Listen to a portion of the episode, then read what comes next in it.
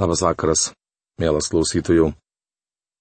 Šiandien mes su jumis toliau keliausime Biblijos puslapiais, Senuoju testamentu, nagrinėdami pranašų Jeremijo knygą.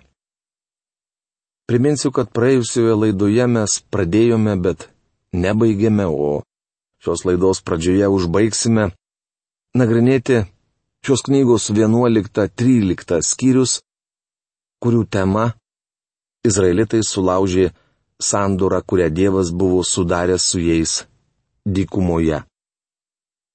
13 skyriaus tema - palyginimas apie lieninį juosmens aprišalą. Po maldos mes su jumis apžvelgsime šį skyrių ir tęsime apžvalgą. Dangiškasis tėve, mes dėkojame tau ir lenkiamės prieš tave už tavo gailestingumą, parodytą mums žmonėms.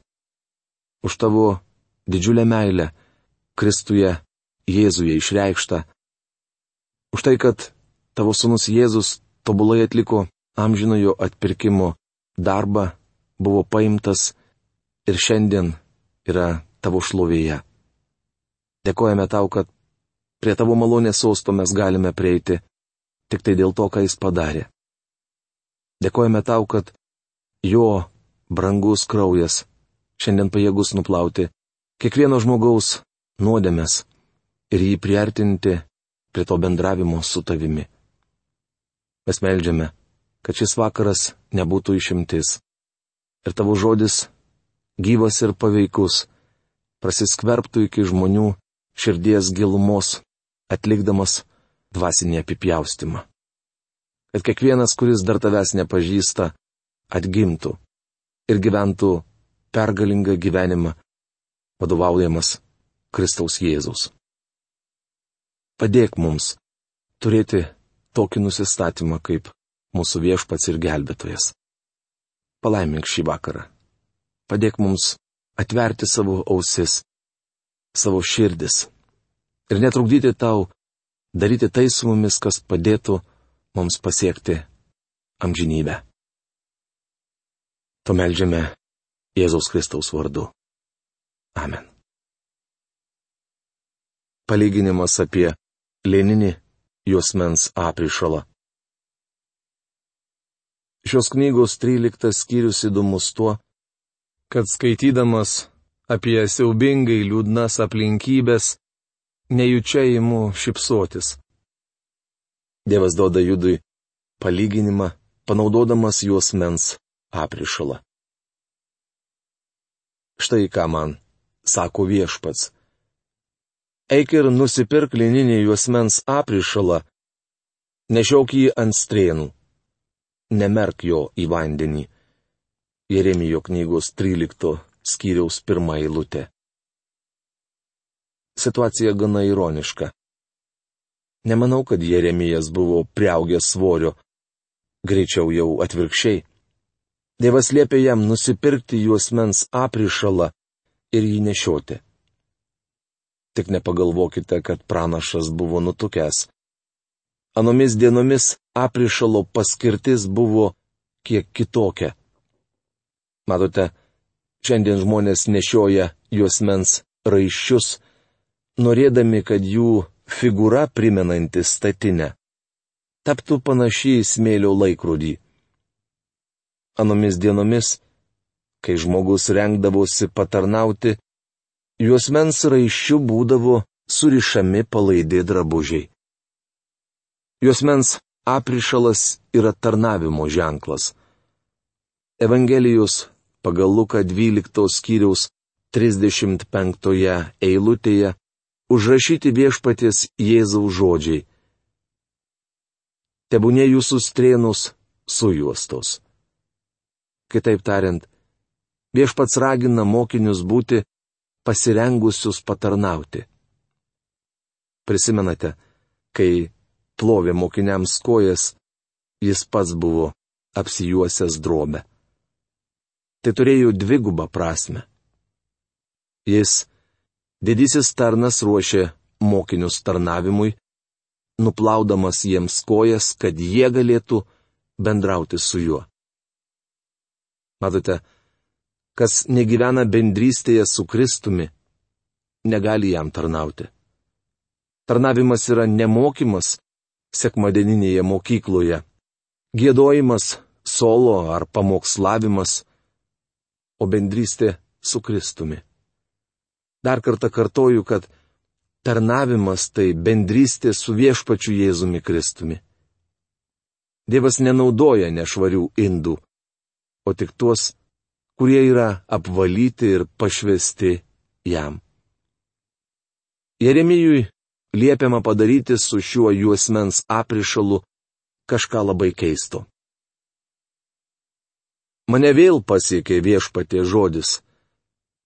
Pasimk juosmens aprišalą, kurį nusipirkai ir nešioji, nueik prie perato ir paslėpk jį uolos plyšyje. Nuėjau prie perato, kaip viešpats buvo liepęs, ir paslėpiau jį uolos plyšyje. Jeremijo knygos 13 skyriaus 3-5 eilutės.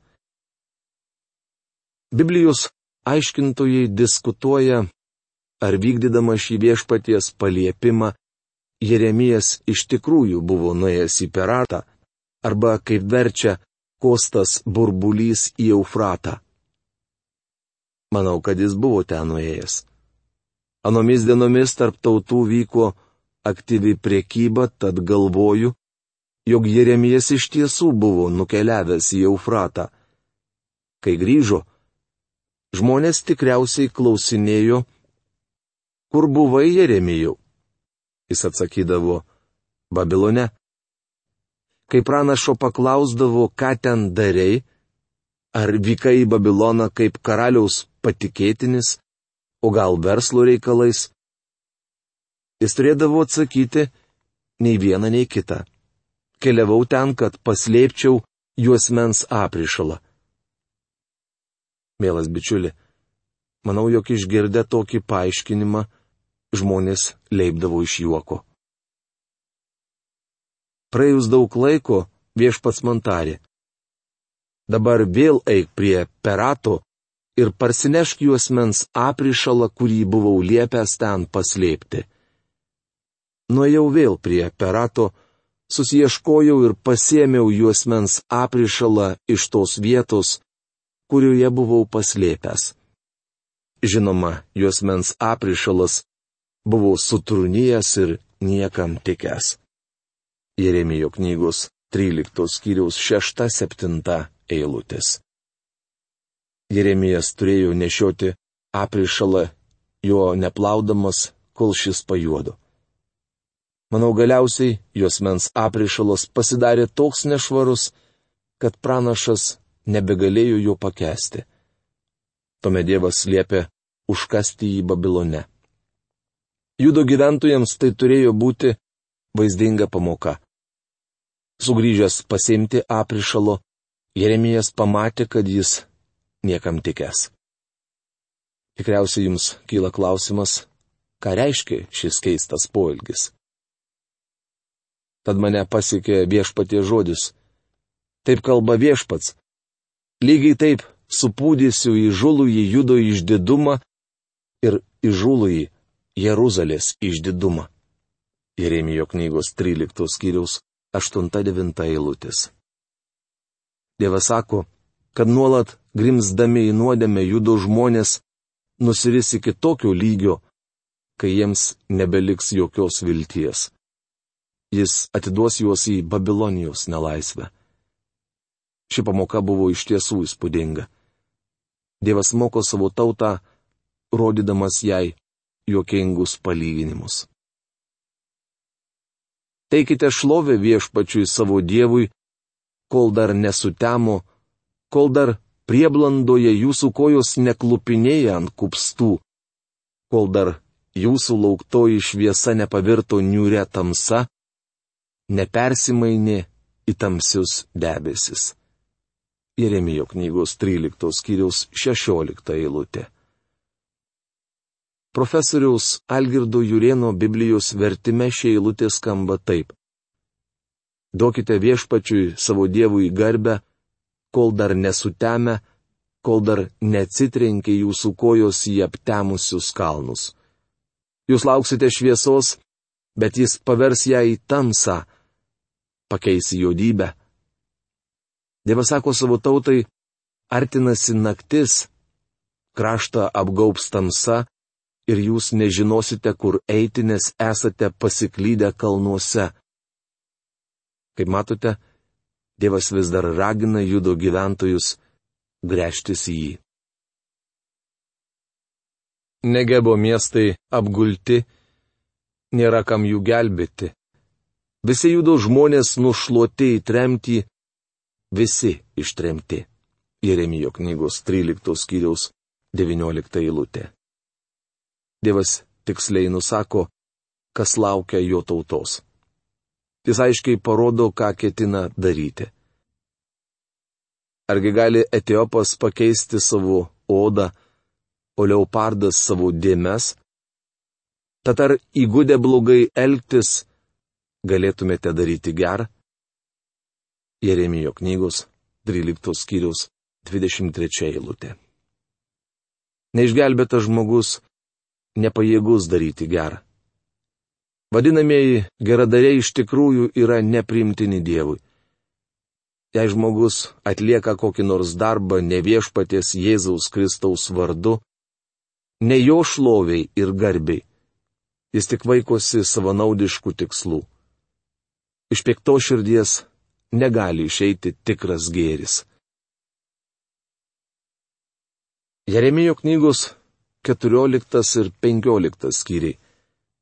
Tema Maištingoji tauta baudžiama sausra ir badu. Iki šiol skaitėme Jeremijo pranašystės, kurias jis skelbė karaliaus Jošijo dienomis. Dabar skaitysime ištarmę skambėjusią Jehojakimo karaliavimo laikotarpiu. Kaip jau minėjau, paskutinėmis valdymo dienomis Jošijas padarė didelę kvailystę. Jis pastojo kelią Egipto faraonui Nekojui, stojo į mūšį Megido lygumoje ir buvo mirtinai sužeistas. Jeremijas apraudojo Jošyje, nes jis buvo geras karalius, bet to jo bičiulis. Skaitydami šią Jeremijo knygos dalį pamatysime, jog mirus Jošijui tauta vėl stačia galva nėrė į stabmelystę sausra. Tai buvo pirmasis Dievo įspėjimas tautai. Viešpaties žodis Jeremijui apie sausrą. Judo karalystė liūdė. Jos miestų vartai sunykę, žmonės guli ant žemės iš sielvarto, o iš Jeruzalės kyla šauksmas. Jeremijo knygos 14 skyriaus 1-2 eilutės. Matyt, sausra buvo labai baisi. Tokia bausmė kraštą buvo ištikusi ir Ahabų valdymo dienomis. Anuome Dievo pasintinio pareigas ėjo Elijas. Šįsik, užėjus sausrai, pietiniai judo karalystiai žinę skelbė Jeremijas. Sustojo darbas laukuose, nes krašte nebuvo lietaus. Artojai nusigandę, jie užsidengia galvas. Jeremijo knygos 14 skyriaus 4 eilutė. Tikiuosi, nesunkiai galite įsivaizduoti, kad žemė buvo išdžiūvusi ir supleišėjusi dėl lietaus stygiaus. Net briedė laukuose pameta atsivestą jauniklį, nes nėra žulės. Jeremijo knygos 14 skyriaus 5 eilutė. Pranašas sako, kad net briedis paliks jauniklius, nes nebus vandens ir žolės. Mažyliui ir motinai grės mirtis. Visą tai rodo, kad Dievas baus savo tautą. Tai vienas iš trylikos šventajame rašte minimų badmečių, kuris kaip ir visi likusieji buvo Dievo bausmė Izraelio kraštui. Žmonių gyvenimai buvo bevaisiai kaip sausa, nederlinga žemė, mat jie buvo atmetę gyvybės vandenį. Dievas rodė, jog dvasinė prasme jų širdys džiuvo kaip žemė be vandens.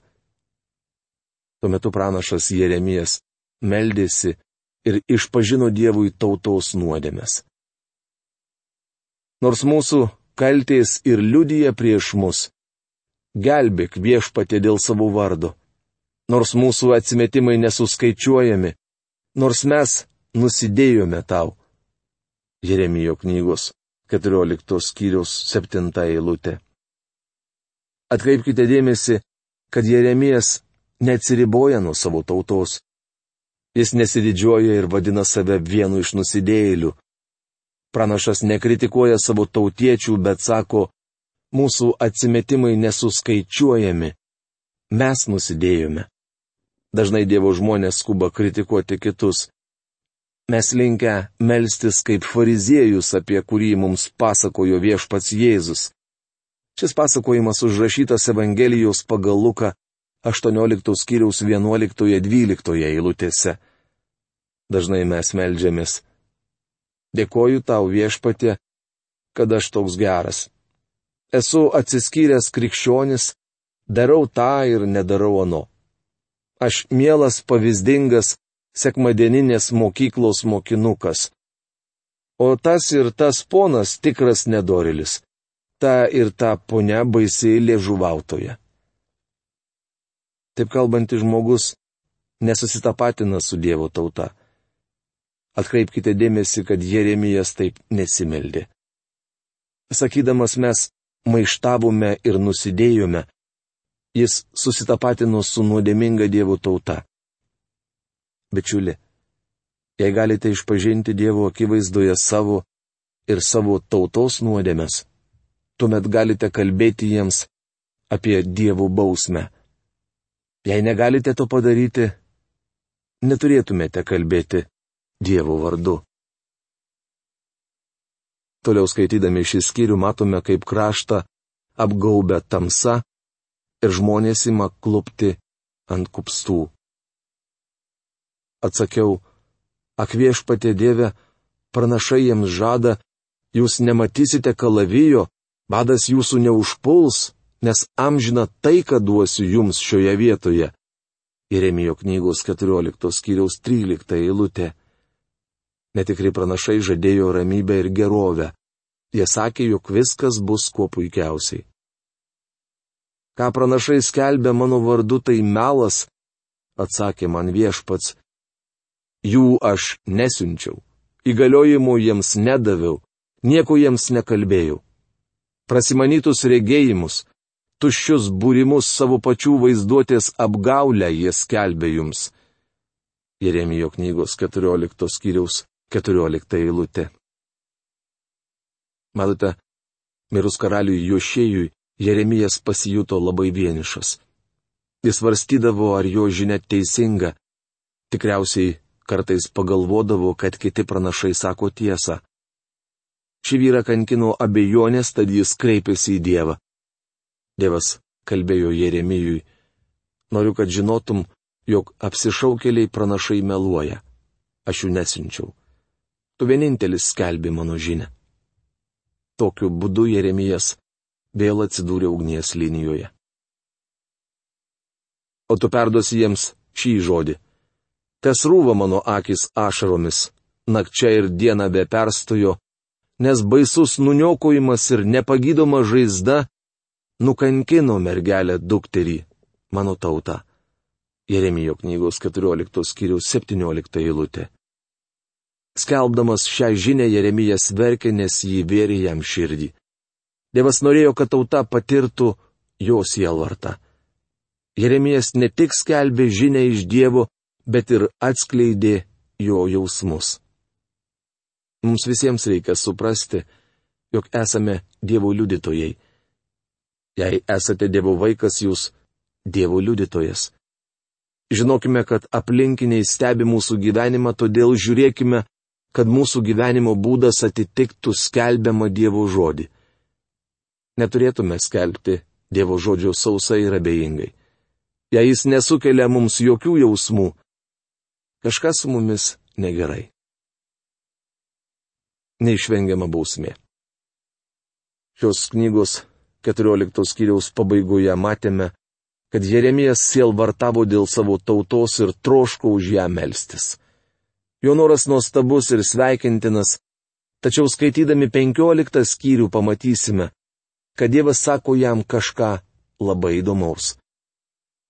Prieš pats tarė man, net jei pats Mozė ir Samuelis man juos užtartų ir tai mano širdis prie šios tautos nelinktų. Varyk jos man iš akių, tegu jie eina savo. Jeremijo knygos 15 skyriaus pirmą eilutę. Tauta nuėjo per toli, tad bausmė neišvengiama.